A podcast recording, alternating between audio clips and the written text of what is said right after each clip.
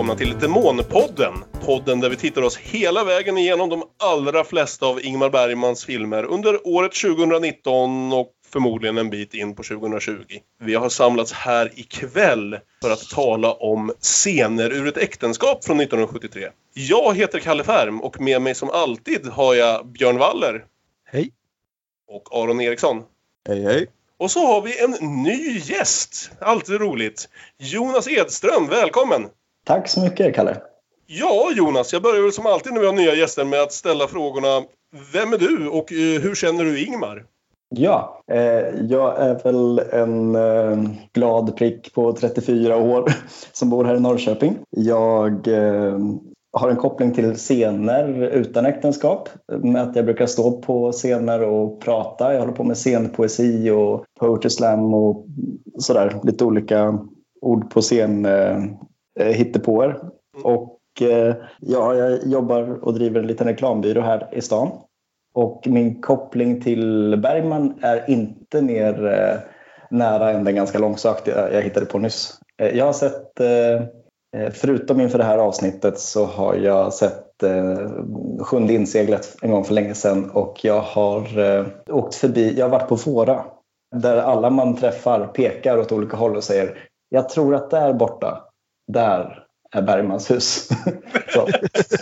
Ja, så, så, jag har nästan varit hemma hos Bergman kan man säga. Ja, ja. ja det, det mesta av Fårö används väl i en eller annan film i alla fall. Mm. Jättetrevligt att ha dig med! Ja, tack så mycket! Vi är här just ikväll för att tala om scener ur ett äktenskap från 1973 och det är en lite speciell film, eller nu tv-produktion.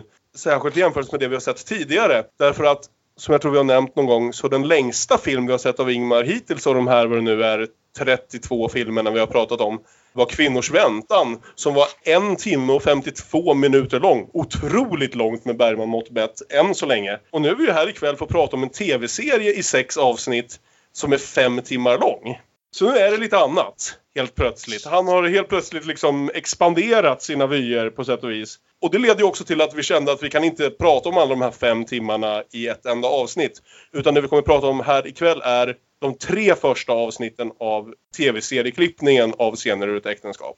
Vi ska också säga att det finns, den finns omklippt till en biofilm som väl framförallt användes tror jag i, för att sälja den utomlands. Jag vet inte om någon har bättre koll på det än vad jag har. Men jag tror att det var framförallt där. Jag vet inte om, jag tror inte den gick upp på bio kanske i Sverige. För det fanns ingen mening med det för alla hade redan sett den på tv liksom. Jag har för mig att jag såg den för några år sedan och det, ja, det är svårt att hålla isär vilken man har sett, för, vilken version man såg för några år sedan utan det är i princip de som ligger och grälar i sängen hur som helst. Så, ja. Ja, jag tänker men, men vi ska väl säga också att även filmklippningen är ju inte direkt en eh, 96 och färdig med klippning utan även den är ju ganska lång alltså om vi säger så. Mm, strax under tre timmar vill jag säga, mm. så kanske ungefär, ja, men ungefär hälften bortklippt. Eller bortklippt eller vad man ska säga. Och jag är också så här, jag vet att jag har sett den här förut men jag, det var så pass länge sedan att eh, jag blir lite osäker på vad jag, vad jag såg, men det är inte alls otroligt att det var den, den kortare klippningen. Det var så pass länge sedan jag såg serien ur ett äktenskap att jag inte ens vid det laget hade ingått i, det, i ett äktenskap. Jag hade inte ens ingått i det förhållande som skulle leda till mitt äktenskap, så det var ju åtminstone 10, 11, 12, säkert 15 år sedan. Men ja, med det sagt så är det något, har ni några tankar om serien? Hur har ni gjort nu allihopa? Har allihopa bara sett de tre första avsnitten? Ingen har tjuv, tjuvkollat framåt mot de sista tre, tre avsnitten än eller? Nej. Nej, Nej precis. Jag, jag såg hela serien för inte allt för länge sedan så jag har den någorlunda i minnet. Men för nu har jag bara sett de tre första. Okej. Och då mm. bara lite allmänt till att börja med. Vad är liksom era intryck av den här serien? Liksom, liksom startpunkt kan vi väl säga att vi har några gånger diskuterat det här om Bergman som världens sämsta realist. Och att även han någonstans försöker porträttera den verkliga världen så gör han det inte nödvändigtvis med ett realistiskt synsätt.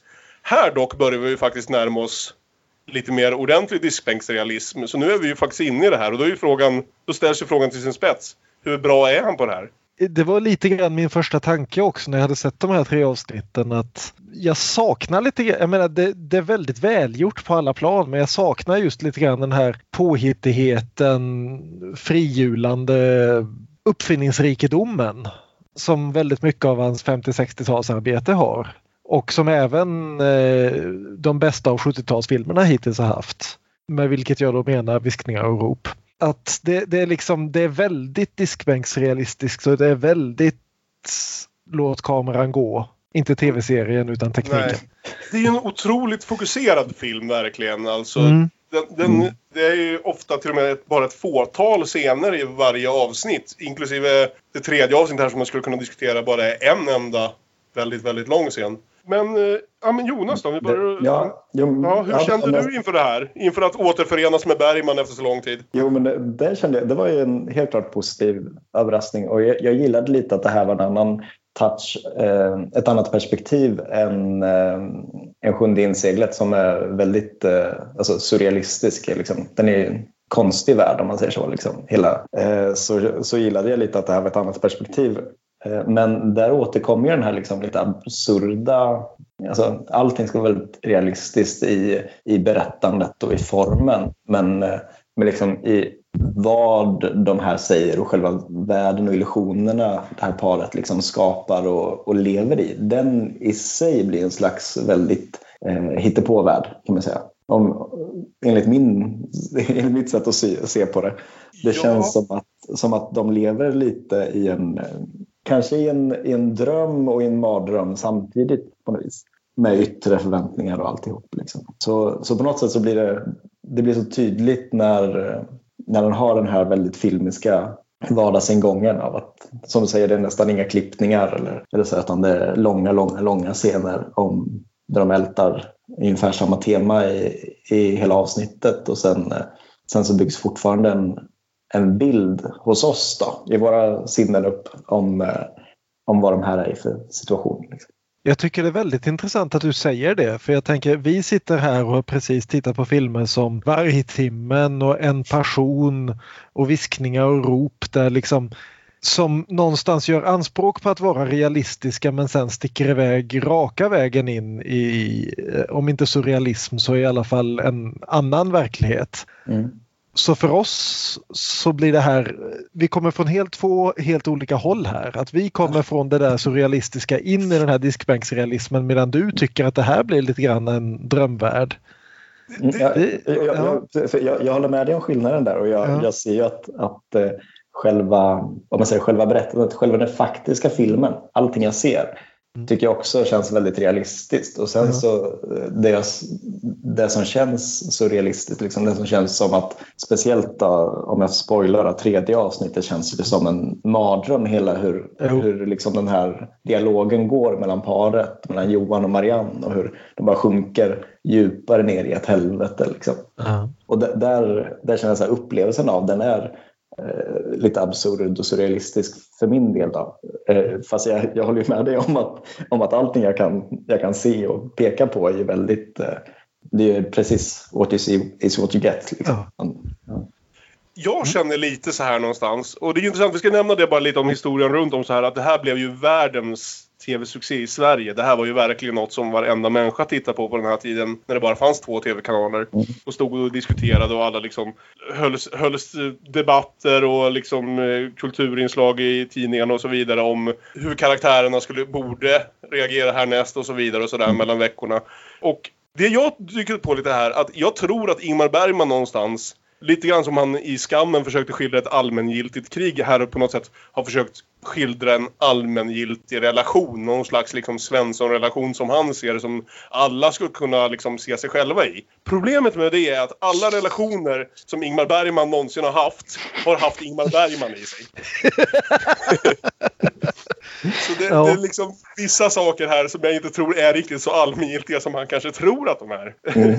Utan är väldigt specifikt Ingmarska. Och, och, det ligger väl någonting i att han här har fått hamnat i just det förhållande som mer eller mindre ska hålla livet ut också och att det blir lite grann en reklamfilm för att gå i terapi det här. Att det är liksom, nu har jag äntligen hittat till, jag har äntligen kommit till den punkt där jag kritiskt kan se på mina egna förhållanden. Ja, men vi har sett på dina förhållanden i 30 år nu Ingmar. Det, ja. Det är ungefär som när han för några år sedan här nu då, i hans tid eh, sa allt det här om att hans senaste barn skulle minsann vara den som vände helt hur han såg på att skapa konst och så vidare. Och så dumpade han den mamman och det barnet med bara på så här typ tre kvart senare. Så det blev inte så mycket med den vändningen heller. Så vi litar inte riktigt på Ingmar när det gäller de här sakerna längre känner jag. Vad säger du Aron? Har du några övergripande Jag tycker tankar? att ni är oerhört negativa här. Det är inte menat att vara negativ egentligen. Jag tycker Nej. mest bara det, det är liksom, det, det, den här har blivit en sån enorm eh, vad ska jag säga, en monolit när det gäller att skildra förhållanden så att det är svårt att... Det är, jag tycker det är väldigt, väldigt svårt att se den med färska ögon så att säga. Den känns så väldigt mycket som en grundbult i alla jävla skilsmässodramer som har kommit efter det. Ja, det kan jag väl förstå. Jag skulle Eh. vilja säga att jag, jag älskar den här filmen. Jag tycker bara inte att den riktigt är det den utger sig för att vara. Utan jag älskar Nej. den av helt andra skäl. Alltså, jag, jag tycker också att den, eh, den var överraskande aktuell och spännande. Och, alltså även att vissa tilltal och hur de pratar om varandra är såklart är så här mossiga, så här 40, vad det nu blir, 50 år senare.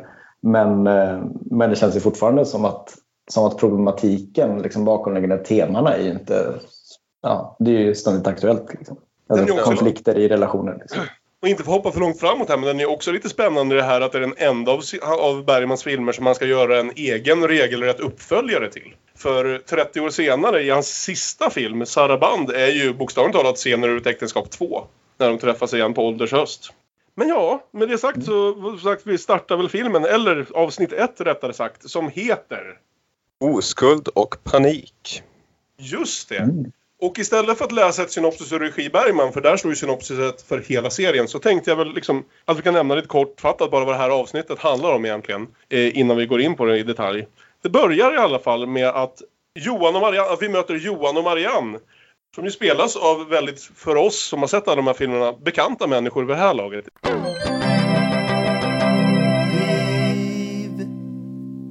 Liv Ullman och Erland Josefsson. Och det här är väl egentligen Erlands första huvudroll. Vi har sett honom ganska många filmer vid det här laget men han har alltid dykt upp och haft så här en kvart här och där. Han har aldrig liksom stått i fokus för Bergman för, på riktigt det här sättet förut. Nej, det har nog varit mer på scen som han varit huvudroll i sådana fall. Det här är definitivt det första som vi får se. Kanske lite kopplat tänker jag till det du pratade om förra veckan då Aron, att eh, han inte riktigt var bekväm med sig själv som, som vad ska vi säga, skådespelare framför kameran förrän han gjorde sin insats i Viskningar och rop. Mycket möjligt. Väldigt kortfattat då. Det som händer i avsnitt ett är i stort sett de genomgår en sån här skvallertidningsintervju. De har en, ska vi säga, en parmiddag som tar en vändning och på slutet så behöver de göra ett svårt beslut. Så, det var mitt synopsis för avsnitt ett. Och det börjar som sagt med den här ingående skvallertidningsintervjun som är ett väldigt intressant grepp att verkligen göra film. Här blir det ju lite ändå liksom direkt brott i med att göra lite film i filmen. Att det tydligen är en, en dokumentärfotograf liksom där förmodligen då är i och för sig en stillbildsfotograf men det känns nästan som att det är hans kamera vi ser igenom ibland i början. Ja. Och han spelas ju dessutom av Ingmar Bergman. Ja, precis. Vi hör bara rösten på denna stillbildsfotograf men det är Ingmars röst. Tyckte, ser ut som ni tyckte om varandra, så ja. Så ja. Och så le lite mot varandra, så där ja. Stilla, stilla, det är bra. Alldeles stilla så. Tack. Och uppenbarligen är det väl bara så att de har blivit utvalda så som det händer ibland för något sånt här hemma hos-reportage. Och det blir ett eh, intressant sätt även för oss att lära känna dem. Journalisten är gammal skolkamrat till Marianne. Så de hänger väl säkert fortfarande i samma borgerliga kretsar. Det är ett mycket bättre grepp än när han försöker göra samma sak i En passion. De här grejerna där han liksom bröt filmen fullständigt för att intervjua skådespelarna. Nu väver han in det i filmen istället. Så det ju, funkar ju väldigt mycket bättre. Jag tycker det är ett spännande första grepp och sen så leder det ju ganska snabbt fram till att de att vi lär oss att de har två barn som inte kommer spela särskilt, mycket, särskilt stor roll, vilket också var typiskt så här ingmarskt sätt att se på ett förhållande. Så tänkte jag. Att eh, de här barnen är mest där som någon slags så här bihang och någonting som kan ställa till lite trubbel i bakgrunden ibland eller sådär. Vilket också kändes ganska bergmanskt mer än allmängiltigt skulle jag vilja påstå. Som den ena av döttrarna ser vi Lena Bergman, Ingmars dotter. Mm. Som vi också såg i Viskningar och rop.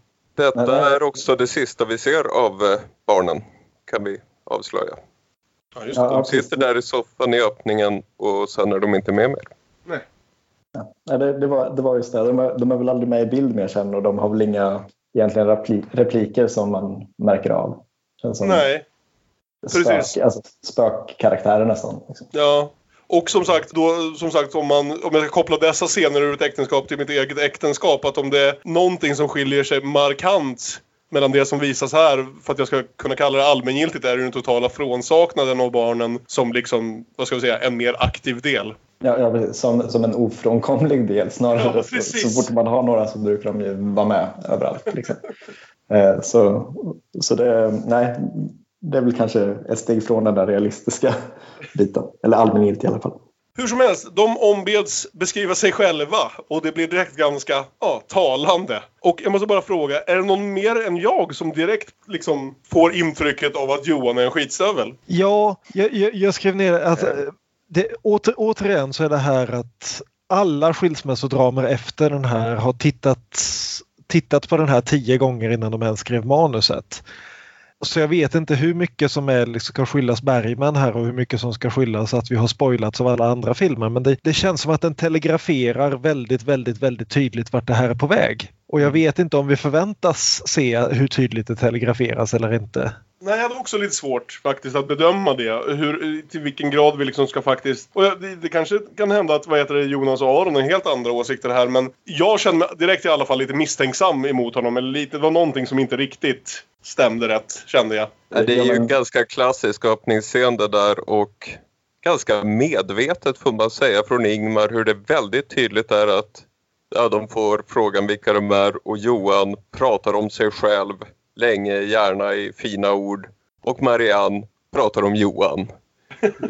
Ja, vad ska jag säga om mig? Jag är gift med Johan.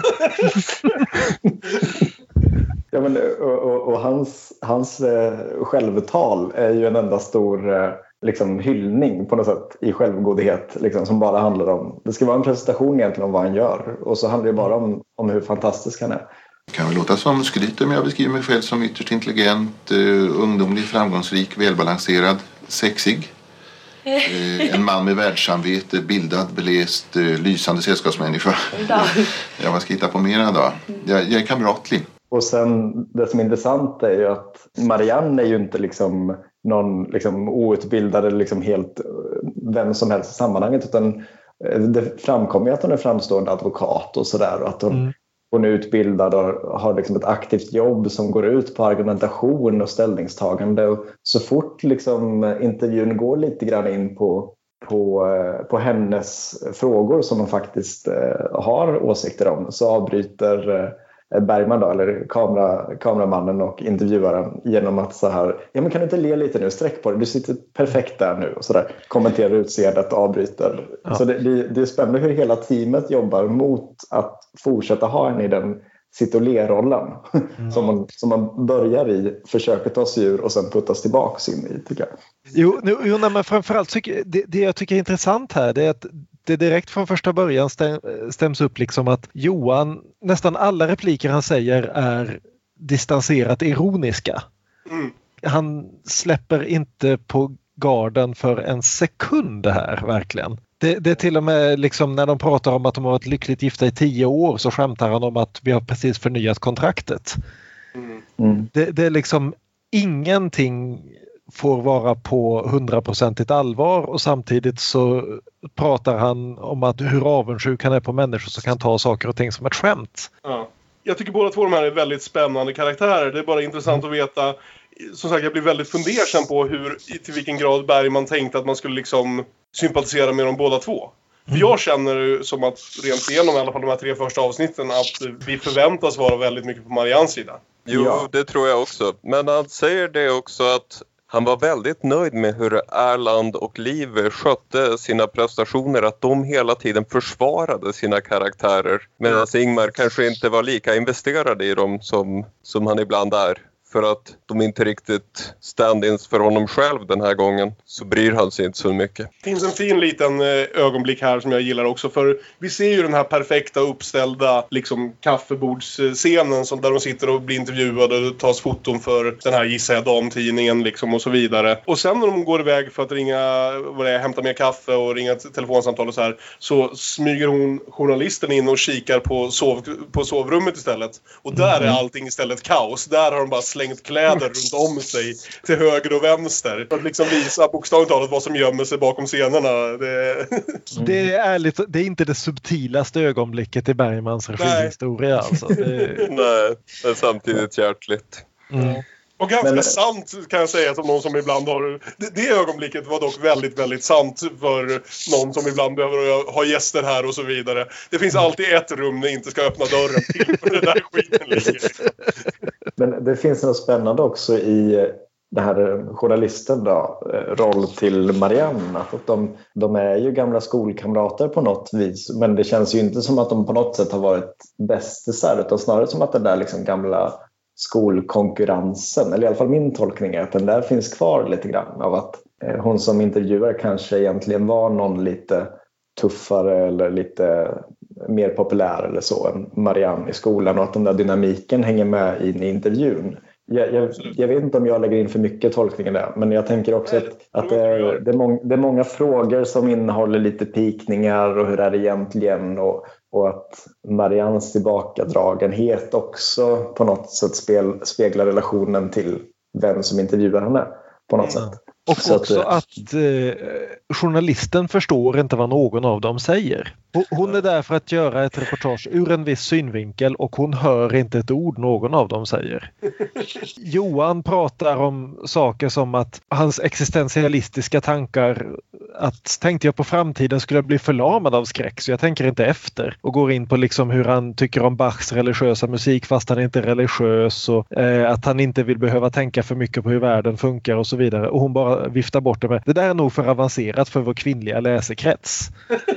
Precis. Det är Det här är 1973 det här. Och, och sen Marianne pratar om hur hon liksom i egenskap av skilsmässoadvokat har sett så många förhållanden som ramlar sönder under kravet på känslomässiga prestationer. Och önskar att man kunde leva lite mer realistiskt. Så, så säger journalisten Jaha, du önskar att livet var mer romantiskt?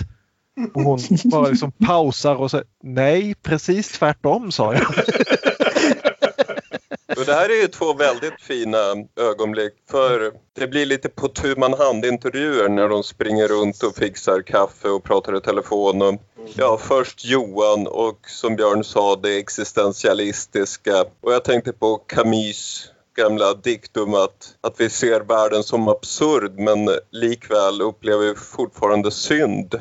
Det är lite samma som Johan hur han ser livet som absurt men inte kan ta det som ett skämt. Och Bergman på någon intervju som var med på den här DVDn och som var gjord 30 år senare för någon repris antar jag, så pratade han om avkristningen här i Sverige att vi kommer ihåg lagen men glömde evangeliet. Så det här med kärlek har vi helt tappat. Och det är väl lite vad Marianne också får säga att ja, eh, journalisten pressar på det här. Vad är lycka? Vad är trohet? Vad är kärlek? Ge oss fina citat för tidningen. Och Marianne är inte så avslappnad att prata om det. Hon tar upp det här Korinterbrevet som vi har hört Ingmar prata om tidigare. Men om du vill ha en beskrivning som är uttömmande så kan du titta efter i Bibeln. Där har Paulus beskrivit vad kärlek är för någonting. Ja, just i Korintierbrevet. Åh, vad vackert det är. Mm. Det enda felet med hans beskrivning är att den plattar till oss. Om kärlek är det som Paulus säger att den är så är den så sällsynt att knappast någon enda människa har upplevt den. Men som uppläsningsnummer vid bröllop och andra högtidliga tillfällen så är det där avsnittet väldigt verkningsfullt. Vilket är lite vad vi sa i Så som i en spegelavsnitt. Precis, jag tänkte på det. Exakt vad vi Ja. sa om citatet från Så som i, i en spegel. Så det var kul att Marianne hade lyssnat på det avsnittet. Efter att den här intervjun har skett då, och det uppenbarligen har gått lite tid för tidningen har hunnit tryckas så är det dags för parmiddag där de ska träffa sina vänner Peter och Katarina. Spelad av en gammal vän, Bibi Andersson, som vi har sett i hur många år som helst nu höll jag på att säga och hur många filmer som helst. Och så en ny vän, eh, Peter spelas nämligen av Jan Malmsjö. Som vi kommer se igen, men inte har sett någon gång tidigare. Och det här är ju en parmiddag som, ska vi säga, spårar ur relativt snabbt, får vi ändå lov att säga. Mm. På ett eh, ja, spektakulärt vis. Ja, då sitter jag och skrattar åt den här artikeln. Den är ju för jävla rolig att läsa om. Vilket idealiserat porträtt de har fått. Ja, Ja. Peter eh, har i alla fall en artikel i det nya numret av Teknisk tidskrift. Och det visar sig att det är Katarina som egentligen har skrivit den här artikeln eftersom Peter var på en utlandssemester. Och jag tycker Katarinas replik om det här är väldigt rolig. Ja, det är inget uttryck för kvinnoförtryck att det är hans namn på artikeln för de jobbar alltid ihop. Och jag tycker det är en ganska vass kommentar på liksom vetenskapshistorien där det liksom hela tiden har varit familjeföretag. Men de vi känner till är just de manliga genierna. Ja, Så det var, ja, han är ganska klarsynt om sådana här saker och kommenterar det med ganska små spydiga kommentarer, den gode feministen Ingmar. det här blir ju då öppningen för att Peter och Katarina börjar lite, först lite sådär kärleksfullt utbyta spydigheter och sen så försvinner kärleken ur det och inom kort så har vi ett fullkomligt väldigt svart gräl de här Jo. två emellan medan våra två huvudpersoner mest sitter och försöker se inte allt för pinsamma ut. Nej, klorna kommer fram här och ja, Peter ger en kommentar om att Marianne är bättre på matlagning än Katarina och icke då försöker Marianne slöta över allt det här pikandet och Katarina biter tillbaka att ja, problemet med hennes matlagning är ju att Peter alltid tror att hon förgiftar maten. Ja, det här är ett stående skämt hemma hos oss. Tycker bara att Peter är så förbannat klumpig ibland. Ordet var klumpig. Jag sätter en ära i att vara klumpig. Och fantasifull. Det märkliga är att, att enligt Katarina så är jag egentligen en ryggradslös geléklump. Geléklump, men det var lite roligt. ska vi inte försöka ha lite trevligt nu och lämna livets orättvisor utan? Jo! Det är lite dålig stämning. Mm. Det, det, är också, det börjar ju den här idealiserade, eller börjar, men, men de utgår både från den här gamla idealiserade tidningsartikeln då, som de har på något sätt recenserat i grupp. Då, då, då de är alla fyra överens om att, att det här inte är hela sanningen utan att, att det här är ett väldigt liksom, hittepå-porträtt av eh, Johan och Marianne. Eh, och sen så trots det så använder Peter och Katarina som då ska vara deras bästa vänner använder det här liksom Peter och Katarinas relation som ett, både som ett slagträ i, sin egen, i sitt eget bråk och som ett hån mot dem själva. Så här, det här vet ju inte ni om någonting om eftersom ni är så lyckliga och så vidare. Och så vidare. Jag tycker det blir så tydligt där att både för, för oss som tittar då, att det ska vara Alltså att det blir en kontrast mellan Johan och Marianne och Peter och Katarinas relation såklart. Men också att att det är snarare bilden av Johan och Marians relation som, som gör att det blir ännu jobbigare för Peter och Katarina att, att, att vara i sin egen. Mm. Om du förstår vad jag menar. Att, Ja, absolut. Att det är en slags eh, idealbild som alla är överens om att det är på låtsas. Eh, Men ändå så, så blir de hånade för det. Och den används som ett argument i konflikten mellan Peter och Katarina. Så här, men du, där de jämför fram och tillbaks. Eh, och det där tycker jag också det där tycker jag är väldigt spännande eftersom som det känns som ett återkommande tema i hela filmen. Då, att hur, hur bilden av relationen eller drömmen om relationen eller förväntningarna på relationen eller som Marianne pratar bokstavligen om, så där, kraven och känslomässiga prestationen och det här. Liksom. Att det, det blir som en egen karaktär som hoppar in och liksom bråkar med allihop på olika sätt. Mm. Eh, Ja, den här kvällen går i flera olika faser också. Det blir en stund där när damerna flyr till eh, badrummet för att få tala ut för sig själva. Och eh, Jan Malmsjö vid något tillfälle försöker nonchalera bort allting som händer genom att dra åt sig det närmaste han kan få läsa. Då tänker man att han ska dra åt sig något sånt här som han typ har skrivit en teknisk tidskrift eller något liknande. Nej då, där dyker Kalle Anka upp. För första men inte sista gången. så just där, Det är Jan. Malmsjö som tar sig en sup och lägger sig på soffan lite nonchalant med en Anka tycker jag är en fin bild. Men, men, men vi har också återigen det här eh, ironiserandet runt det. Att det, man får intrycket att de har haft det här grälet flera gånger innan. Åtminstone första halvan av det. Och bara liksom upprepa repliker som de redan har sagt till varandra tio gånger. Att det är liksom inte, det är inte ett gräl som för framåt på något vis utan det är nästan performativt. Att, det, att nu spelar vi upp gr- vårat gräl. Mm. Det är otroligt påminnande om det här vidriga paret som, som, som Viktor Sjöström plockar upp i smultronstället. Som eh, bråkar så, eh, så illa bak i bilen att de behöver slänga ut dem efter fem minuter. Ja. Så fort Peter börjar prata om skilsmässa så kontrar ju Bibi Katarina med att ja, det är synd att han ångrar sig så fort han nyktrar till. Mm. För de är liksom verkligen där delade helvetet som Ingmar lovsjöng till en början. Han börjar inse att delat helvete kanske inte är så jävla nice. Nej. För det här är ju fullständigt medberoende utan utväg hur de är, de är fastkedjade vid varandra Ja. och kan väl inte kan inte leva med varandra, kan inte leva utan varandra. Och det, det, det är just den här liksom när de verkligen går lös på varandra och det är så uppenbart att de kan varandras ömma punkter perfekt och vet precis vart de ska klippa till för att det ska göra riktigt, riktigt ont. Och det blir bara värre och värre.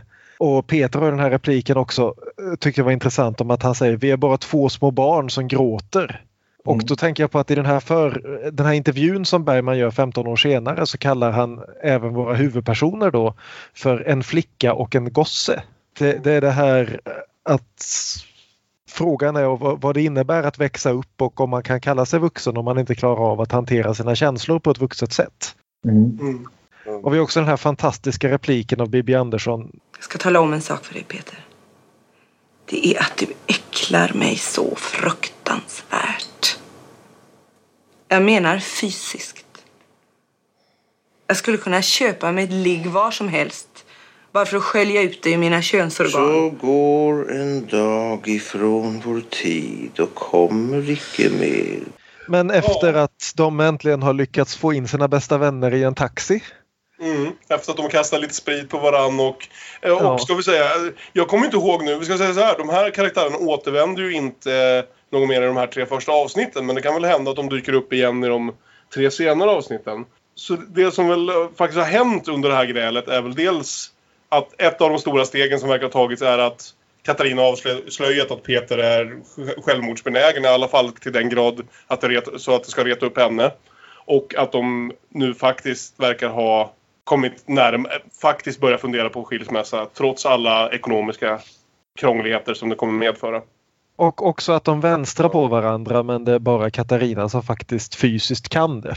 Det är ganska öppet prat om, eh, om sex i den här serien. Mm. Och här, Peter är ju tyvärr impotent med andra kvinnor.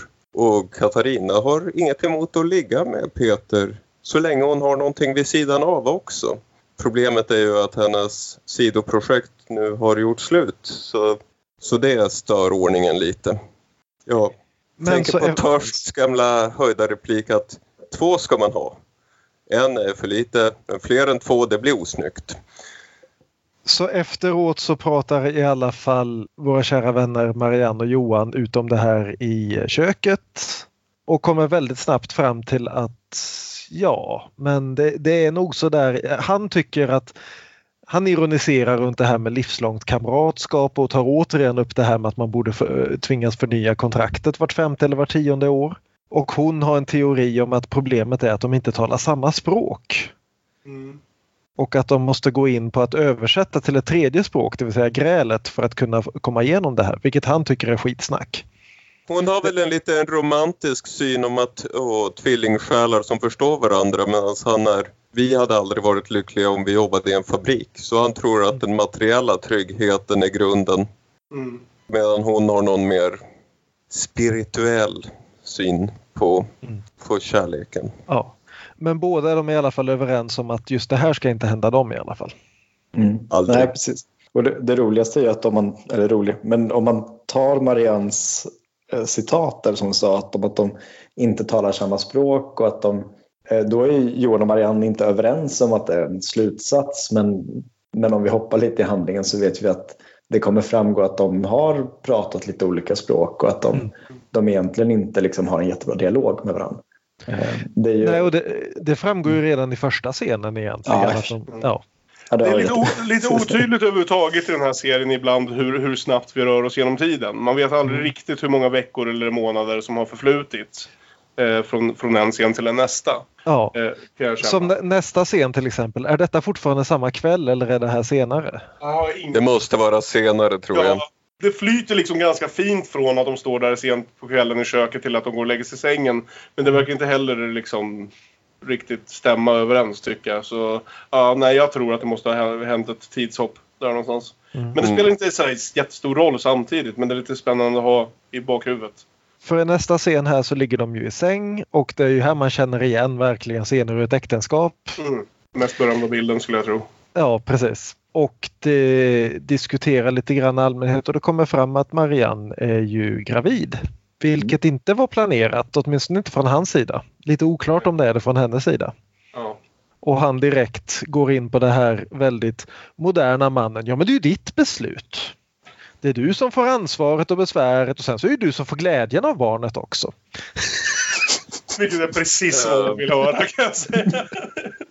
Vilket känns som någonting som Ingmar Bergman, men förhoppningsvis inte- de flesta män, hade sagt till sina partners för den här tiden. Nej. Nej. Det blir också ett, ett gräl kanske, där, eller en diskussion på flera nivåer känns som. Att de på något sätt börjar, börjar diskutera hans reaktion eller hennes reaktion, vem som ska vara glad och utefter det ska de ta beslut på hur de ska gå vidare.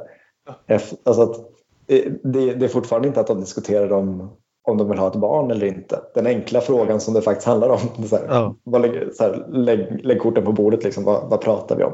Utan, utan det är alltid två eller tre steg därifrån. Ja. Att de pratar om det, beslut baserade på reaktionen på en reaktion på en reaktion på en reaktion på något som har hänt. Då, sådär. Ja.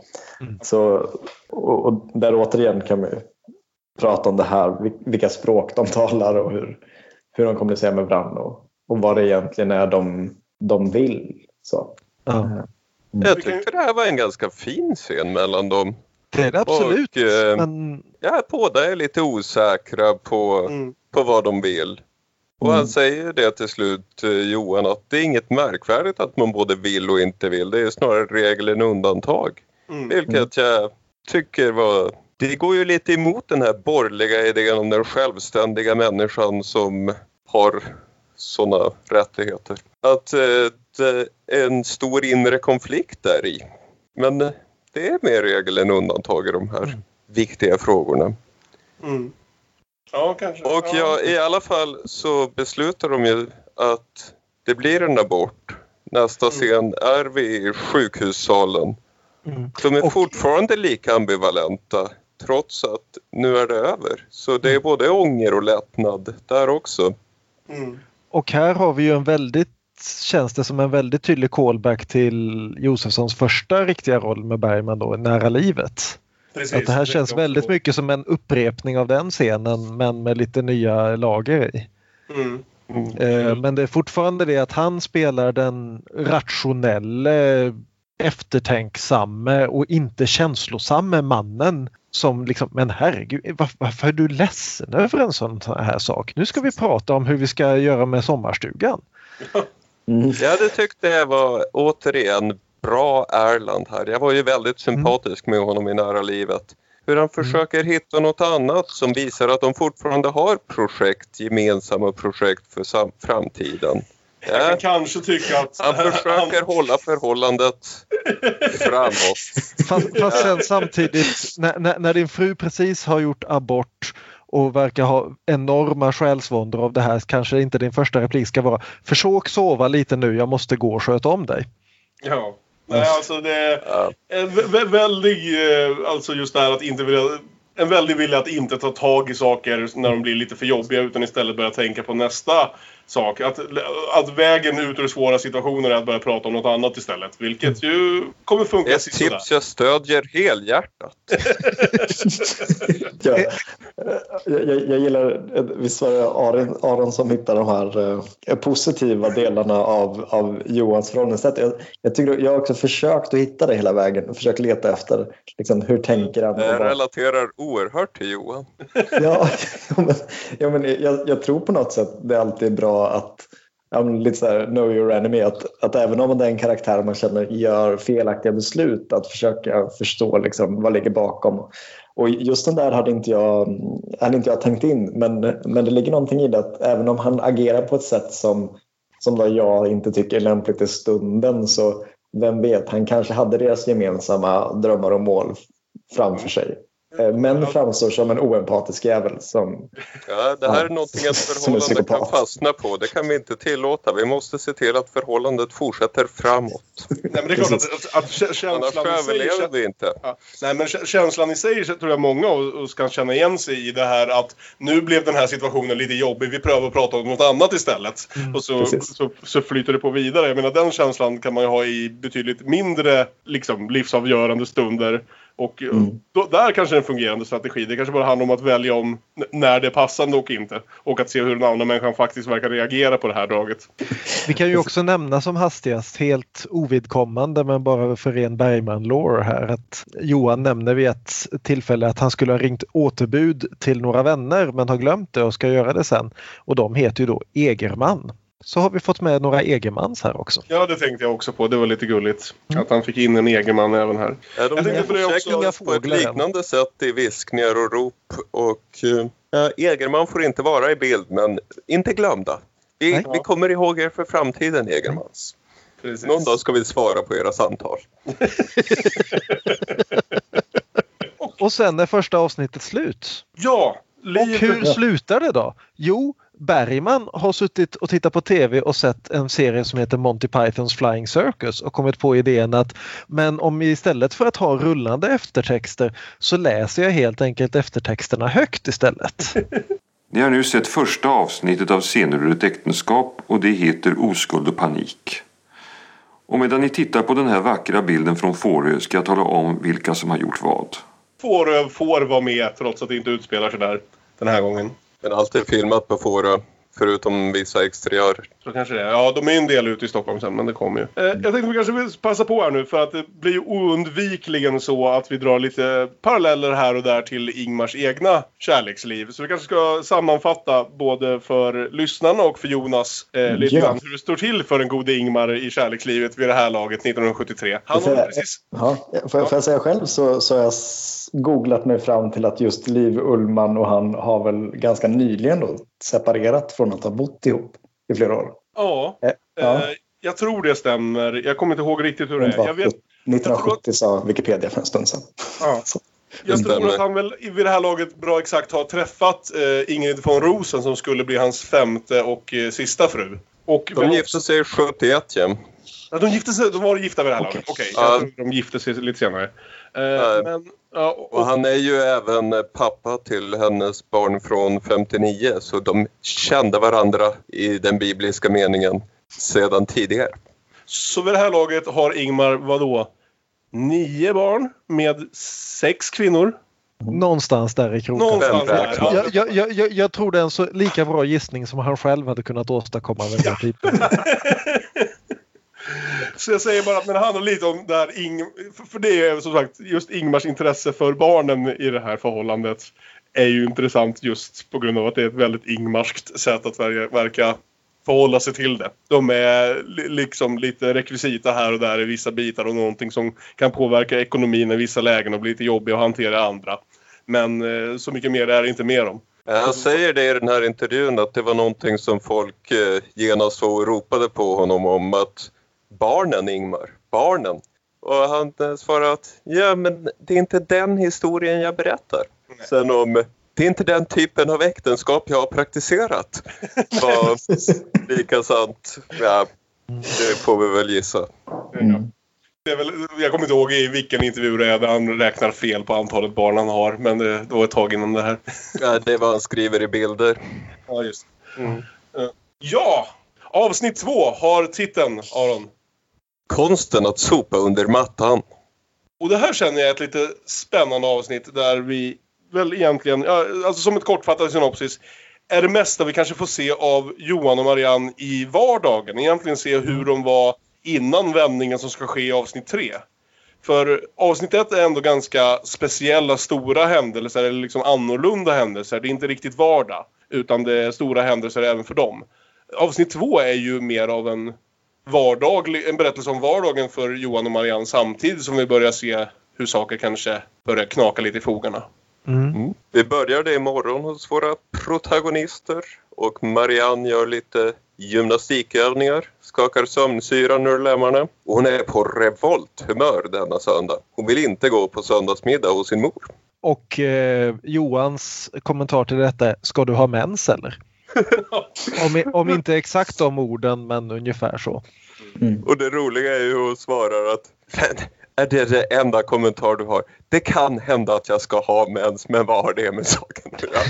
ja. Bred humor från Ingmar här. Mm. Hon vill inte äta söndagsmiddag med familjen, ringer upp sin mamma som guilt-trippar henne till att äta söndag, söndagsmiddag med familjen. Och detta passar inte Marianne alls för hon vill egentligen bara vara ensam med Johan och han hittar väldigt många ursäkter att inte vara det. Det är mycket bättre att vara tillsammans med andra människor så man slipper ha jobbiga diskussioner. Det blir väldigt intressant när Marianne helt plötsligt vill att de ska ha mer aktivt samtalsliv och så. Mm. Hur han verkligen ryggar ur. Och vid en mm. sån sak som bara att eh, hon vill få skjuts av honom till jobbet istället för att ta sig dit på egen hand och så vidare. Så blir han direkt synligt obekväm. Och vilket är intressant och som vi säkert får svaret på i nästa avsnitt men vi vet inte riktigt vad det handlar om. Börjar göra ett telefonsamtal som han sedan ja. avbryter. Mm. Precis. Mm. Och sen innan han lämnar av henne på jobbet så säger han åt henne att hon måste betala sina parkeringsböter. Och nu kommer frågan återigen. Vad är det med Bergman och trafikförseelser här? Det har dykt upp i flera filmer i sträck nu alltså. Inte i Viskningar i Europa av uppenbara skäl eftersom den utspelar sig på 1800-talet men det dök upp i, eh, vad heter den, i Riten. Det dök upp i eh, En passion vill jag säga. Det var just det här liksom att folk drar på sig trafikböter. Och jag vet inte varför Bergman var så upphängd på just det här just då, men ja. Låt mig gissa att det inte in. ute på Fårö. Det ja, kan inte vara så hårt. Mm. Det kanske är böter på att köra på får också. Men så när Johan har kommit till jobbet så blir han uppringd av sin mamma som är jätteorolig för att hon har hört från sin... Ja. Det finns inget bra ord för, för, för, från Marians mamma. Ja, Svärsyster. Svärsyster. ja. Att, att de har äktenskapliga problem och han kan inte alls förstå varför hon skulle tro det. Nej, nej, nej. Det är inga problem mellan oss alls. Inget som helst. Och så återgår... Jag gillar det här med att deras mammor bli, har blivit bästa kompisar för det ja. faktiskt min farmor och min mormor när de väl flyttade till samma stad. Så just det tyckte jag var lite fint. jag, jag, tycker också om man ser en tillbakablick till första avsnittet så nämns det som ett argument till varför de passar så bra ihop. Mm. är ju att deras föräldrar också trivs så bra ihop och att eh, deras föräldrar tyckte att de passade så bra ihop. Alltså det, redan i första avsnittet fick vi lite sådana hintar om att inte att det var ett arrangerat äktenskap, men att föräldragenerationen har uppskattat den här relationen så mycket så att det i sig blir på något sätt ett värde som de ska ta ställning till. Ja, precis. Blir konkret nu i avsnitt två. Tycker jag. det är nästan som man föreställer sig att Johan någonstans hade förberett. Jag skulle gärna gifta dig med mig men alltså min mamma tål verkligen inte din mamma. Jaha, de har blivit bästa kompisar. Ja men då gifter vi oss väl då. Nej, men jag, jag gillar det också för varje gång de ska börja diskutera du vet, eh, sådana här saker om liksom, som kanske påverkar deras förhållande och så. Eh, så tänker jag att väldigt många tänker i det fallet, ah, men hur ska barnen hantera det här? Det kommer aldrig för dem utan det handlar om hur ska våra föräldrar hantera det här. Ja. Jag, jag, jag, vet inte, jag, visst gör de några så här eh, Freud-citat eller är det bara i mitt huvud nu? Men, men annars så känns det ju som en så här lämplig analys att göra av hela filmen. Att, att det är väldigt mycket så där eh, föräldrars inblandning på sexualitet och, och på, på liksom partnerval. Så. Ja. Hur, hur som helst så dyker Gunnel Lindblom upp som tydligen är kollega till Johan. Ja. Och eh, har, fått prov, har fått korrläsa hans diktsamling som är det första vi hört talas om den. Mm. Och Johan är inte hittills slagit oss som någon som skriver dikter. Nej, verkligen inte. Johan är alltså docent på psykotekniska institutionen. Det tror jag inte vi fick med. Nej, och håller på med något väldigt spännande experiment med ljusprickar och, och kul, kulspetspennor. Och Aron, du, som- du som är filosof, vad fan är den psykotekniska institutionen? jag vet inte men jag gillar det. Och jag gillar att de jobbar helt eh, i svart bakgrund.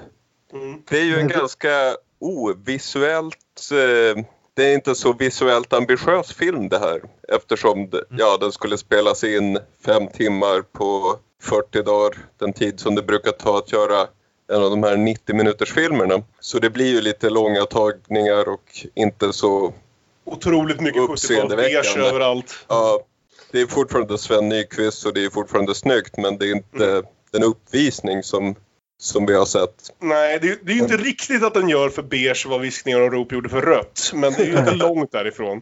Det är för övrigt en rolig historia som vi lika gärna kan... Den är ju filmad på 16 millimeter, inte alltså tv-kvalitet. Mm. Så när det blev tal om att göra en utländsk version och klippa om den till biolängd och visa den på stor duk. Den som var riktigt upprörd över det här, det var ju Sven Nykvist. Ja. Visa mina bilder som jag har filmat här och liksom göra om det till widescreen, ladida, kommer att se för jävligt ut. Så han ringde ju upp Ingmar och var rasande. Och Ingmar påpekade, kom ihåg Sven, att du var producent på det här. Du äger 10 procent. Där sa du något Ingmar. Det är om det beiga, men nu är vi i ett svart rum i alla fall. Jag tänkte ni som har sett alla de här eh, andra filmerna av Bergman, apropå det svarta scenen, jag kommer tänka på en black box, de här liksom teaterscenerna som, som man ofta kör, små scener speciellt. Liksom. Och för min, för min del som jämf- jämför det här som, det här är nästan all min referens till Bergman nu, eh, jag tänker på de här scener ur äktenskapsscenerna som att de är väldigt teatrala, att det känns som att man hade kunnat göra allt det här på en fysisk scen. Mm. Eh, Alltså att det är mer, mer egentligen en filmad teaterproduktion än vad det är klassisk liksom varken tv eller filmproduktion. Men jag vet inte hur ni ser på det om man jämför med, med de 30 eller plus filmer som, som ni har sett. Liksom. Det, det vi ganska ofta har sagt tidigare är väl att en hel del av manusen som sedda som manus innehåller så pass få karaktärer och platser att man tekniskt sett skulle kunna sätta Det här var ju också den enda av sina filmer, förutom Trämålning som väl var en variant på vad som blev Sjunde inseglet, som Ingmar själv satte upp som teater. Det gjorde han i Tyskland då. 81 vill jag säga. Så, så det är ju tydligt att eh, det är lite teaterstug på manus och, och kanske på eh, vissa av eh, scenerna också. Hur de bara ställer upp kameran iakttar mer än att den formar upplevelsen aktivt. Så som vi ibland har sett det. Samtidigt så har ju Bergman i alla fall lärt sig det av sina tidigare tv-erfarenheter att han filmar ju faktiskt med filmkameror och inte med videokameror. Det är ju alltid någonting.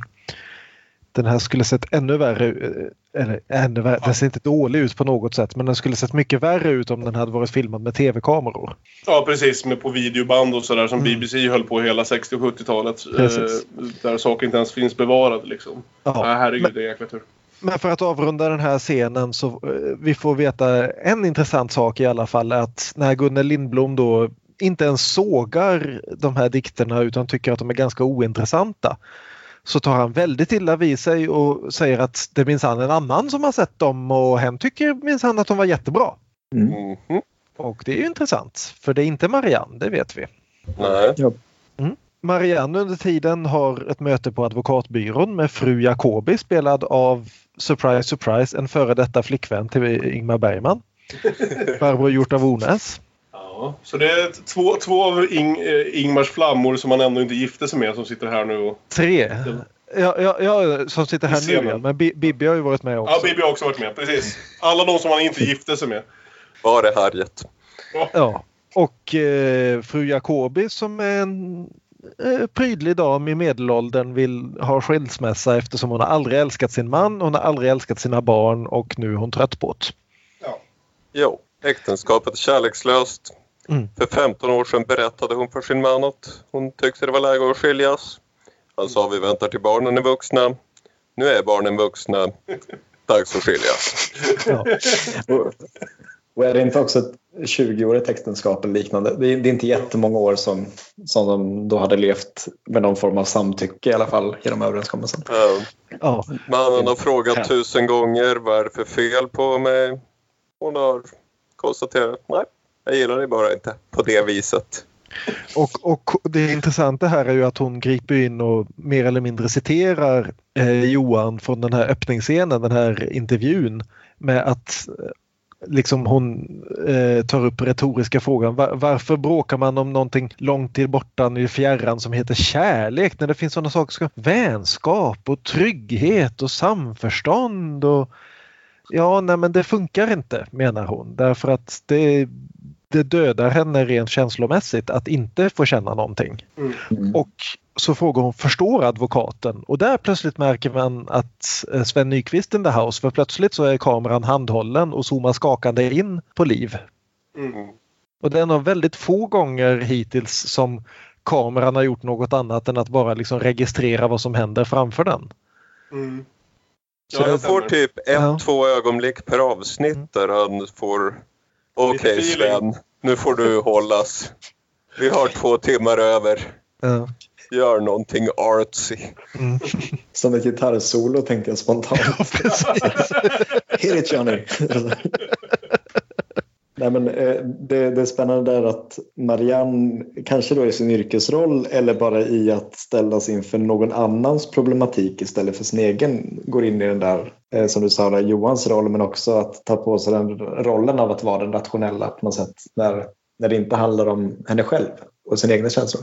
Det kan man ju tillskriva antingen att eh, det är dubbla måttstockar för, för hennes och för andras eller bara att eh, det är helt enkelt en annan roll hon måste ha i, i rollen som, som advokaten. Då, tänker jag. Men det är väldigt tydligt. Hennes borgerliga livsstil blir ju lite anklagad som en känslokall, ja känsloanalfabetisk liten helveteshåla.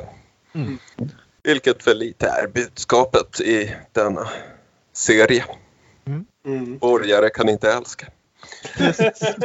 Och för att understryka detta så går de sen på en väldigt bohemisk restaurang för att äta lunch tillsammans. Och det var, det var bara kul att få se liksom lite av en riktig stad på det här sättet. För det har vi nästan aldrig sett i någon av de här filmerna. Att bara vara inne. Det var lite av Visby i beröringen. Men beröringen Ja. var så jävla tråkig så att jag knappt ens det. Det var i och för sig en av de sakerna som livade upp den lite grann. Men, men det var kul att bara få se lite av faktiska Stockholm. Och liksom uppleva lite, lite verklighet höll jag på att säga. Ja. Och här har vi återigen det här att Marianne vill planera och göra saker tillsammans och han vill bara åka till sommarstugan. Och vi får en väldigt, jag tycker det är en väldigt intressant replik här från Johan som Marianne missar fullkomligt. Kan det vara så lömskt ordnat att livet plötsligt går galet? Utan att vi vet hur det sker, nästan omärkligt. Menar du oss?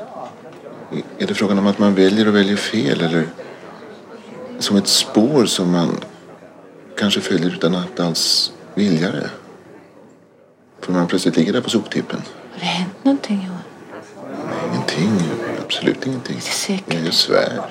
Vi är väl tämligen uppriktiga mot varandra du och jag. Det är vi väl? Ja, det tror jag. Man får inte gå och bära på någonting. Man måste säga allting hur jäkligt pinsamt det än är. Det måste Jo, man. för fan. Det är mycket din klocka. Att han sliter uppenbarligen med någonting här som han inte vill faktiskt säga och inte vill sluta ironisera runt men hon missar det fullkomligt i alla fall. Mm. Men han har ju ett ganska tydligt, nästan ett, tillfälligt sammanbrott där i deras Ja. dialog mot slutet. Eh, där han egentligen blottar sig totalt. Men, att, men som du säger, det känns som att det faller, det faller mellan stolarna. När han väl kanske försöker hitta att säga någonting eller försöker känna någonting eller försöker på något sätt vara någonting annat än den här Ja. eh, rationella eh, fixaren. Liksom. Mm. Det är intressant se. Ja. Så sen på kvällen så har de varit på teater och sett ett dockhem. Och här får, får Ber- Bergman, eller inte Bergman, men Johan in några ganska bitska kommentarer. Ja. Ja. Men det börjar i alla fall med att han säger, vilket jag väl möjligen kan hålla med om, att hoppa över middagen och bara äta en varmkorv när man ska kämpa sig igenom en Ibsen-kväll, det kan knäcka en oxe det. jag måste bara ställa en fråga här till, till framförallt Aron då som brukar ha koll på de här grejerna. Vad hade Bergman för känslor gentemot Ibsen? Är det hans känslor som kommer fram här? För Strindberg Han vet jag att vi Ibsen. gillar. Va? Han älskar Ibsen? Ja. Ja. Jag vet dock inte vad han tycker om ett dockhem. Nej. Men gengångare och sånt älskar han. Ja, just Med all rätt. Ja, men kvinnosaken är ett uttjatat kapitel, Marianne. Nu kan kvinnorna göra precis vad de har lust. Det tråkiga är bara att de inte gitter. Jaså, det var intressant. Jag har alltid tyckt att det är lägga något orimligt patetiskt över kvinnosakskvinnorna. Särskilt när man försöker blåsa liv i sina medsystrar. En söcknig, urblåst, nollställd massa som hjärntvättar sig själva från födseln. Det är mig fan hjärtskärande. Det är bara början. Vänta ska du få se. Jag kommer inte få se någonting så det är så. För, för jag tänker också att fram, fram till den här liksom, eh, monologen han har, liksom den kvinnohatande monologen, eh, så förutom sina egna åtaganden som han fått lite Ja, som man fått en lite smak av så har det framstått ändå som någon form av eh, eh, modern eh, upplyst ateistisk humanist av något slag. Liksom, i, i värderingar. Av att han inte han är inte stockkonservativ, han är inte ondskefull i, i sina grundantaganden på något sätt. Och så, utan han försöker vara den här moderna anpassade borgerliga mannen alla 70-tal. Liksom. Men, men här efter en, efter en kväll av eh, vin och kanske med hans egna demoner som, som hatar honom så faller han tillbaks till det här liksom, djupa kvinnohatet som liksom sjuder upp på något sätt som man inte riktigt har sett innan. Men det, det är Men återigen är det lite ironiskt kvinnohat märker Ja. man ju lite på Marianne att ja, fan vad du ska snacka ibland. Du tror ju inte på det här, alla vet det. Har du någonsin hört talas om en kvinnlig symfoniorkester? Tänk dig 110 stycken fruntimmer med menstruationsbesvär som försöker spela Rossinis ouvertyr till Tjuvaktiga skatan. Tur att ingen hör dig.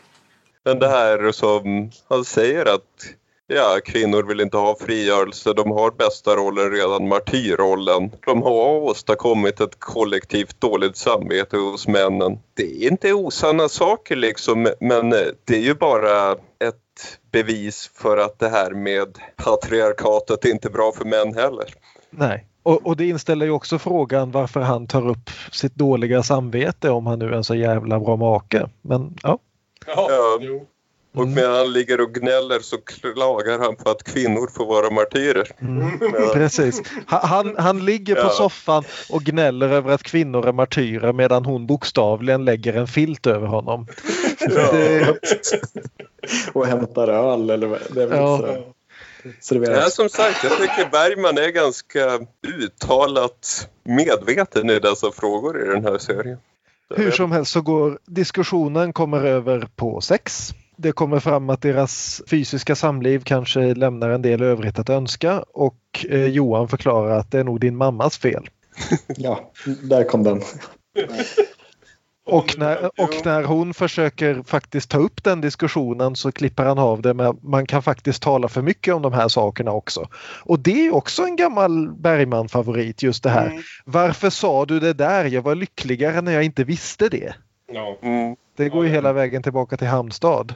Mm. Men jag tycker Bergman i Previously On i del 3 säger han ganska bra om att ja, den här konflikten eh, blommar upp men båda är tafatta och ingen vill riktigt ta konsekvenserna av att spela ut det här grälet fullt ut. Se, Så det är tit- bara Titeln på avsnittet är ju trots allt att sopa under mattan. Ja.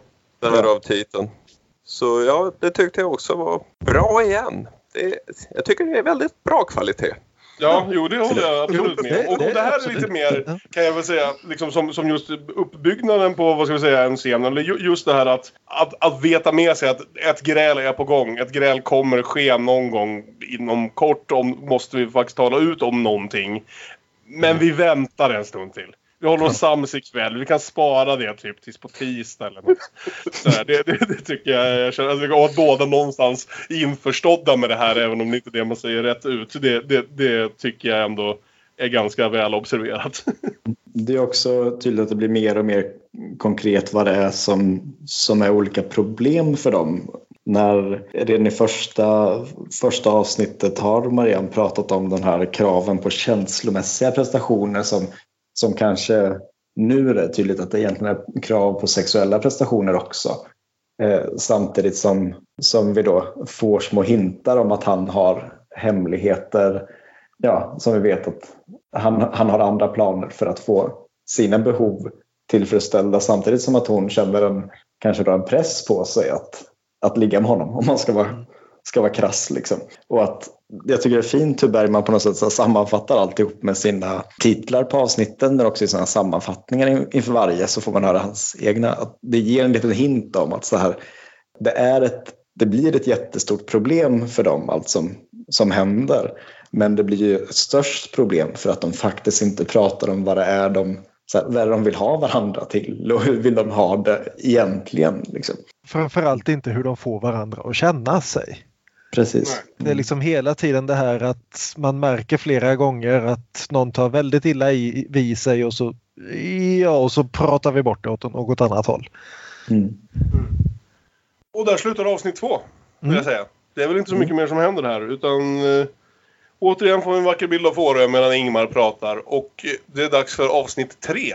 Paula, som väl kan sammanfattas lite lättare, för det är som sagt egentligen en lång utdragen scen med lite pauser, men där vi ibland i de tidigare avsnitten inte ens har vetat riktigt hur lång tid som har gått mellan scenerna, så utspelar sig allt det här inom loppet av 10-12 timmar. Ja, inte ens det skulle jag säga.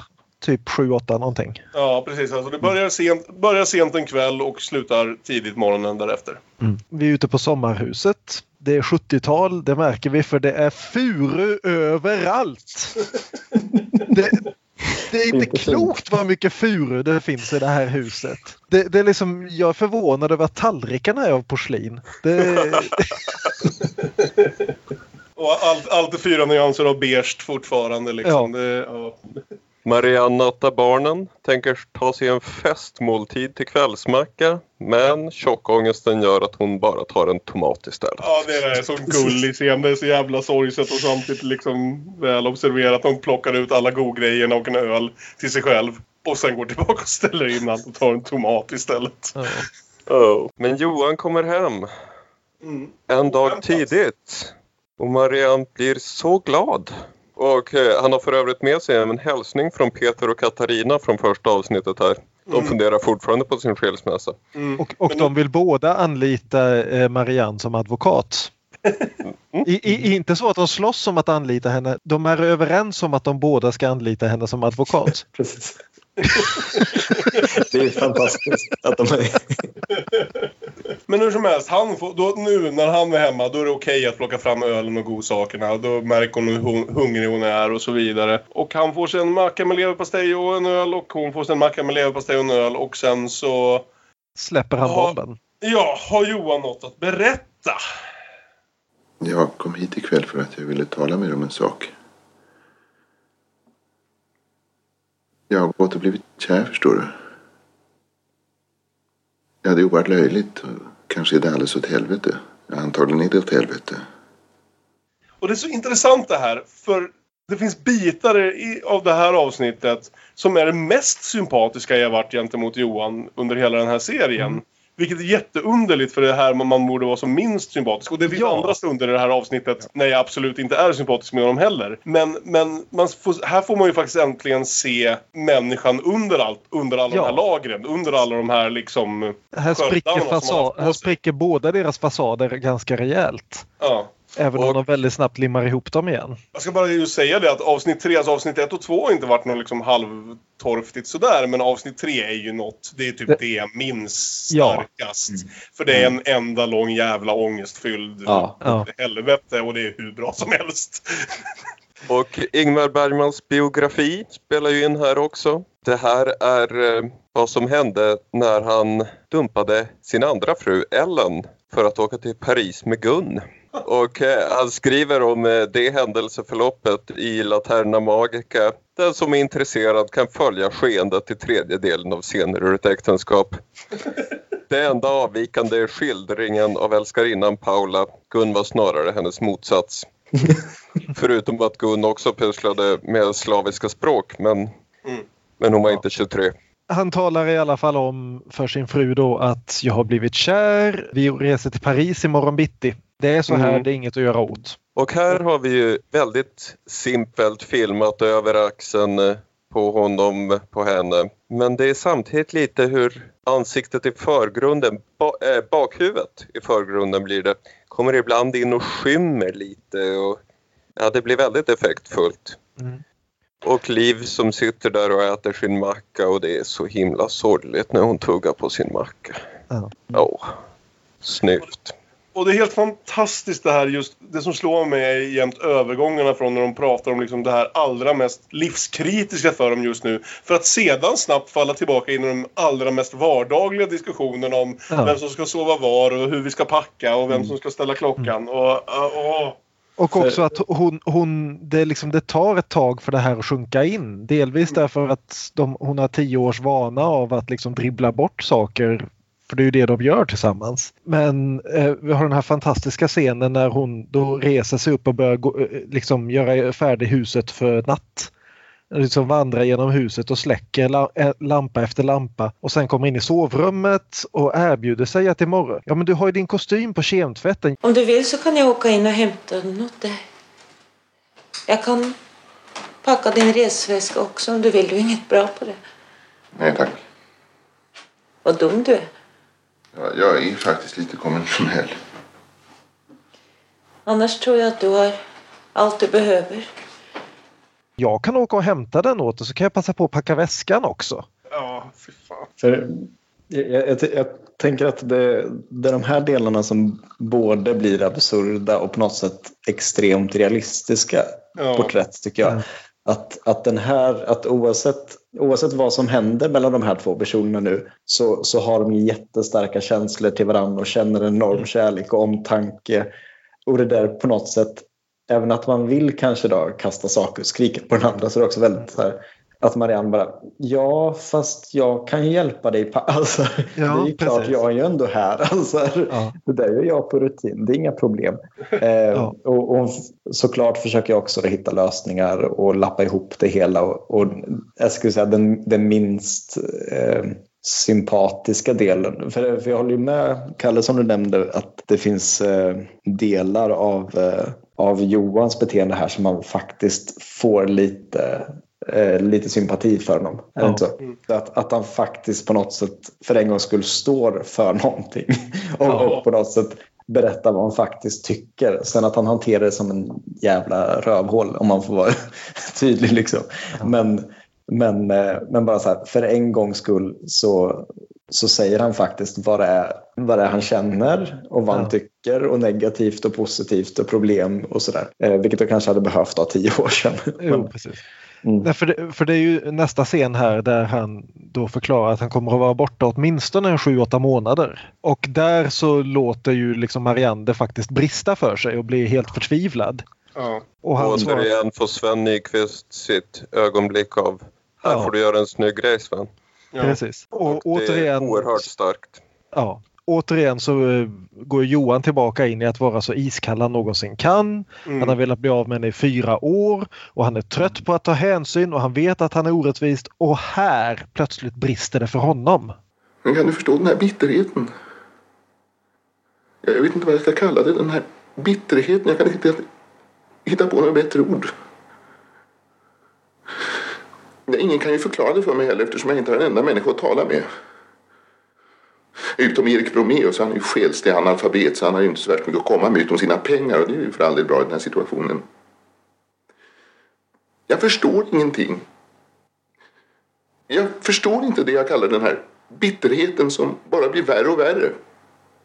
Och det återigen det här liksom, ja, mansrollen är skadlig för männen också. Liksom att han, Ja. Det här är en människa som aldrig har lärt sig hantera sina egna känslor.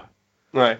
Men Fullständigt liksom inte är känslodöd men har lärt sig att vara det. Ja, han har försökt få ut det genom att skriva dikter men de blev Ja. liksom väldigt halvdana uppenbarligen. Ja, precis. Det, det, det vet ju annars ett bra sätt att hantera känslor säger jag som för poetiska scenen. Eh, Så jag har någon form av kompetens till att uttala mig där. Eh, Hela den här scenen är ju Alltså, jag, jag, tror att jag ville gråta mig igenom den men att det var ju så här, det var bara ett hål rakt in i bröstet av, av, av ångest. Liksom. Det, ja. det är inte ofta jag känner att jag vill stänga av någonting men det här var ju, det var ju bra så jag ville se mer, vidare men det var ju så fruktansvärt obehagligt. Ja. Och, eh, och jag tror att eh, egentligen var det, jag, jag tycker inte det finns några problematiska delar i sig egentligen. Utan så att visst, han har hittat något annat. Han är ett rövhål så här, i, i hur han hanterar det här. Och hon har trott på alla löften om den här illusionen, vart de är någonstans och försöker anpassa hela sitt känsloliv egentligen efter, efter att leva upp till den här illusionen som, som hon har tänkt att de har. Men, ehm, men någonting i det här, det här sista så här, jag drar, jag hatar er allihop. det, finns, det finns liksom ingen gräns för det mörker han släpper lös. Utan att det är så här, han vill inte se barnen igen. För att han ja. tycker de är så äckliga, alltså så bortskämda. Det, det är så fruktansvärt allt som, ja. som han säger där. Och, ja. Nej, men han har ju också den här repliken som skulle kunna vara världens skitstövelreplik men som jag tycker på något vis funkar här. Där han säger att, att han tror att det här kan vara deras stora livschans. Och det är, å ena sidan så är det en jävligt ful grej att säga till din fru när du precis har släppt på henne inom 20 minuter att du har träffat en annan och tänker dra ifrån henne. Men ja. också att någon, han har nästan en poäng där för de har blivit, liksom det här de har fastnat i är så jävla ohälsosamt. Mm. Och det, det är ju första, första gången någon benämnde det som det. Fast ja, vi har sett det i tre, tre timmar eller vad det, ja. vad det nu har gått. Liksom. Man har suttit där och känt att så här, ja, det här det är ju någonting som är riktigt fel. Och, och mm i bara hur de mår och, och det är ganska tydligt att det är mycket, mycket, mycket krav och mycket, eh, alla krav som Marianne känner av hur, hur, hon ska vara och prestera för att på något sätt leva upp till den roll hon har och kanske då motsatta krav från Johans sida då, att han han inte ska, han inte ska ha känslor mm. Eh, när Marianne ska ha känslor. Fast olika. Men han försöker döva, döva sina sidor som, eh, och sina reaktioner på äktenskapet och delaktighet och allt det här. Liksom. Mm. Så, att, eh, så på något sätt känns det ju, jag håller med om att det känns lite förlösande att man börjar prata om det, men, men snälla. Hur går det till? Ja, som sagt, eh, det går igenom lite olika faser det här samtalet. Så hon ber honom berätta om Paula för annars kommer hon bara att föreställa sig någonting som kommer att vara värre. Mm. Och, och, ja, han gör ju det, visar någon bild. Hon är omåttligt svartsjuk men det är ju jag också så det, det jämnar ut sig. Och också det här som vi nämnde som eh, Bergman ofta har att varför håller hon inte bara käften? Att mm. hon envisas med att vara uppriktig och berätta om sina gamla misslyckade romantiska äventyr. Mm. Det tycker inte Johan att hon borde. Det, det kan hon gott vara tyst om. Mm. Oklädsamt. Till slut så hamnar de i alla fall i säng tillsammans och Johan gråter i Marians famn. Att han skäms så förjävligt. Det blir lite gråtsex. Mm. Marianne, ligg med mig för gammal vänskaps skull. Ja. Och de ligger, båda kommer direkt. Mm. Stor passion här. Och sen så får vi det här, för det här har vi inte nämnt förut, men genom alla, du har ju en del saker som går igenom genom alla avsnitten här och en sak är att Marianne är alltid den som ställer väckarklockan. Mm. Mm. Och här har hon liksom här har han sagt att få ställ väckarklockan på halv sex för jag har ett möte i stan klockan nio och sen ska jag till flyget. Så hon vaknar av sig själv alldeles innan väckarklockan ringer, stänger av den, ligger där länge och tänker efter och sen väcker hon honom. Mm. Och det är en så hemsk och en så fin scen. Mm. Att det är verkligen det här, det är inte en replik eller någonting utan det är bara att hon vet att här har hon makten att få honom att okej, okay, kanske inte missa flyget för det är många timmar tills dess, men verkligen ge någonting tillbaka i alla fall. Men väljer att gå tillbaka in i rutinen ändå. Nu när du pratar, jag gör nog en annan koppling där. Jag tänker mm. att det är den där scenen som gör skillnaden mellan, mellan det Johan presenterar kvällen innan, att det är möjligheten för dem att på något sätt komma vidare. Att det här är hennes chans, det här är hennes möjlighet till på något sätt ett samtycke till situationen. Att, mm. att hon har fått reda på vad han tycker och tänker om alltihop och vet egentligen på vilka premisser de är tillsammans. Och när hon har det facit så får hon eh, två minuter för sig själv och tänka och tänker så här, ja fast då kanske jag inte, alltså det här är min tolkning här, men då kanske jag inte riktigt vill ha kvar de här. Då kanske det är bäst att han åker iväg och så får vi se vad, vad som händer då. Att på något sätt att, att ja, det, det är också hennes makt. Men med den så väljer hon att, att väcka honom. Mm. Eh, och låta honom dra därifrån. Men som du säger, det kan ju lika gärna vara en, en handling av, av rutin och undgivelse. Liksom, att eh, vara honom till viljes såklart. Hon hinner att tänka båda två den där lilla stunden. Precis. Och det är också ett väldigt starkt ögonblick för det, det är ju väldigt pratigt rätt igenom det här. Det är prat hela tiden. Men här har vi den här tysta lilla scenen. Där hon ligger och tittar på honom sova. Så den sticker ju ut stilmässigt också. Vilket gör den extra Mm. effektiv. Verkligen. Och ja, och sen så faller de in i morgonrutinen igen. Det är ju så himla spännande där, just det här liksom växelspelet hela tiden. För helt plötsligt är det bara att han ska raka sig, någon måste packa väskorna. Ja, det är, det är ungefär som det är onsdag igen liksom. Fast Ja, det är liksom sista onsdagen igen. Kaffe eller te till äggen. Ja. Det, det där är väl också lite så symptomatiskt för, för den personliga krisen. Att när man tycker att hela världen faller samman så, måste, så går solen fortfarande upp på något sätt. Vis. Att, att eh, de små sakerna måste göras oavsett liksom, om, om det är dödsfall som sker eller om det är skilsmässor eller, eller vad det är som, som händer. Så, Jo. Så måste man sig frukosten på morgonen och gå upp och ställa klockan och, och de här grejerna. Ja. Att det blir så extremt påtagligt och, och en förlängning av den här ångesten man haft i, i, i magen hela scenen tycker jag. Jo. Av att eh, man vill ha egentligen som, som tittare och, och säkert som delaktig i konflikten då, eh, vill man att hela världen ska falla samman och så blir det liksom Mad Max av alltihop. Ja. Istället så, så blir det inte det. Jo, nej, nej men liksom ni, nio av tio regissörer i det här läget skulle liksom fade to black och så två veckor senare. mm. Men här måste vi gå igenom varenda liten jävla detalj av vardagen till det, till det ögonblick att han har gett sig av. Mm. Och det är löjligt effektivt faktiskt. Ja. För sen så bryt, bryts ju den här rutinen återigen när han faktiskt ska åka. Och hon klamrar sig fast vid honom och verkligen bönfaller honom att säga att han kommer tillbaka även om han inte kommer att komma tillbaka. Du lämnar mig utanför. Du... Johan, jag tror vilken lösning som helst skulle vara bättre än det här. Du kommer lova mig att du kommer tillbaka igen. Tar jag för någonting? Va? Vad menar du? Du lämnar mig inte utan hopp då, Johan? Va? Även om du inte tänker komma tillbaka så kan du väl säga att du kommer tillbaka? Va? Måste gå nu! Marianne!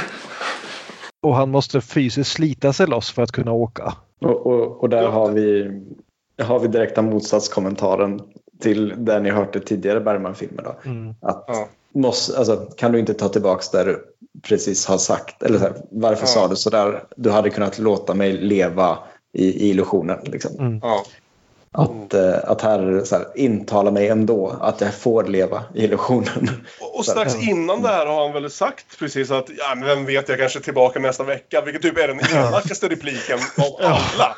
Det är typ den Precis. värsta repliken av alla jävla hemska repliker i det här. Ja, fast han säger ju också den i ett ögonblick av sammanbrott från hans sida. Absolut, jag menar inte det som att det, det är väldigt förståeligt men det är samtidigt kanske den grymmaste. För om det är någon som öppnar upp för att hon ska ligga och grubbla liksom. Ja. Och eh, det, det vidrigaste i alla fall som jag sitter och tänker är så här, eftersom det är tre avsnitt kvar och jag inte har, har sett dem, är ju att jag tänker, kommer han tillbaks och de fortsätter som om ingenting har hänt? alltså, hur alltså just det där, tänk om han kommer efter en vecka och så har han sagt allt det här och man vet allt det där och sen så ska de spela upp den där scenen ur ett äktenskap, den där lyckliga familjen igen. Då, då, alltså.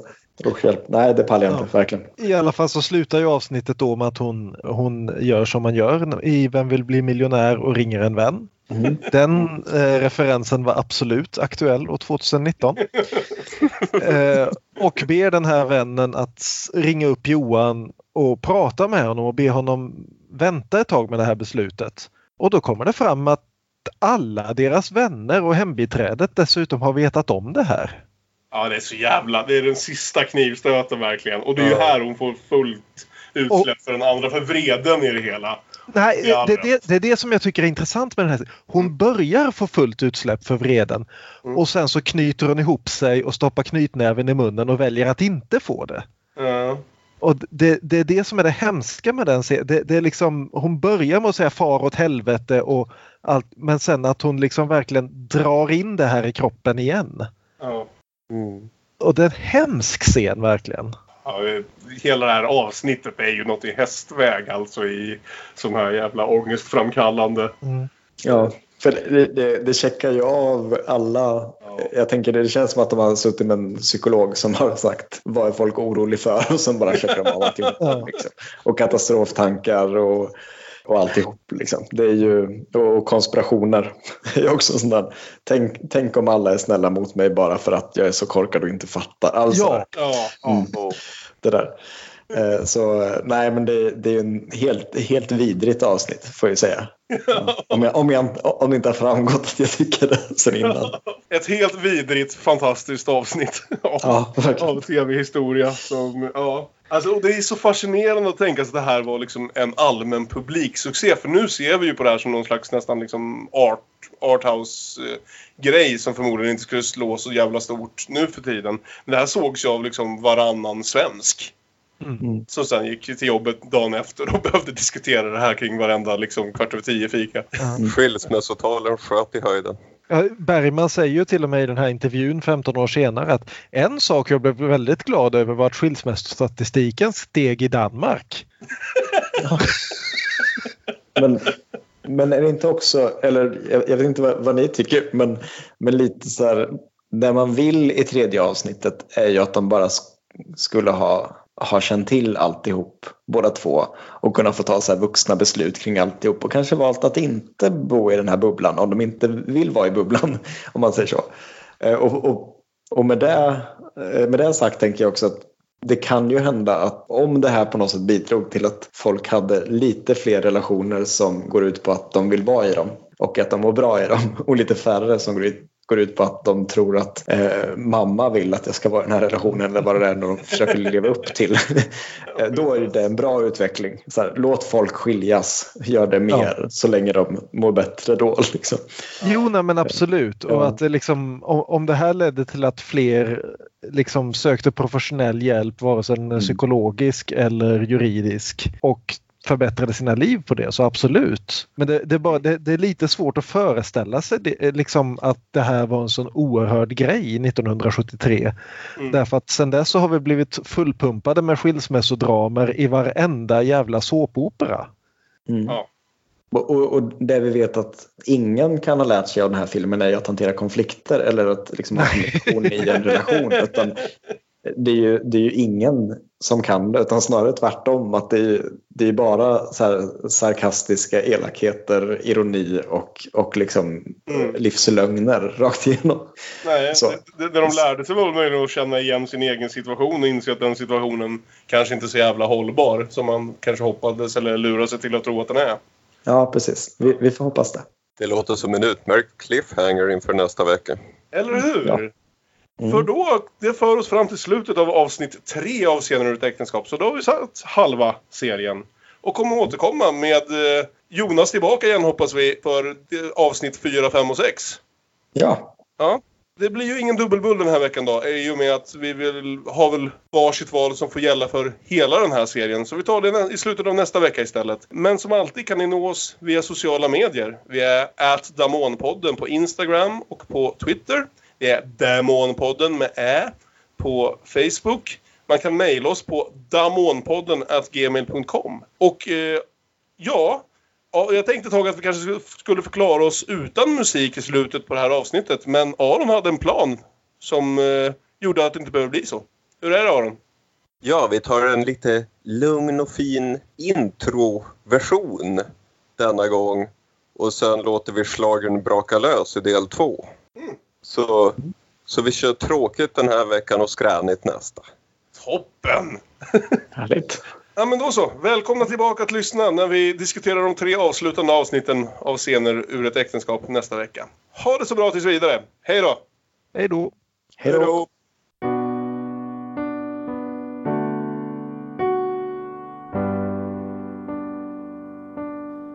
Du kan manuset så väl prickfri recitation levererar var replik med timing och precision. Jag kan manuset så väl repeterat från barnsben. Just när tomheten gör ont och jag ställer till en scen när vi spelar scener ur ett äktenskap. När vi spelar scener ur ett äktenskap.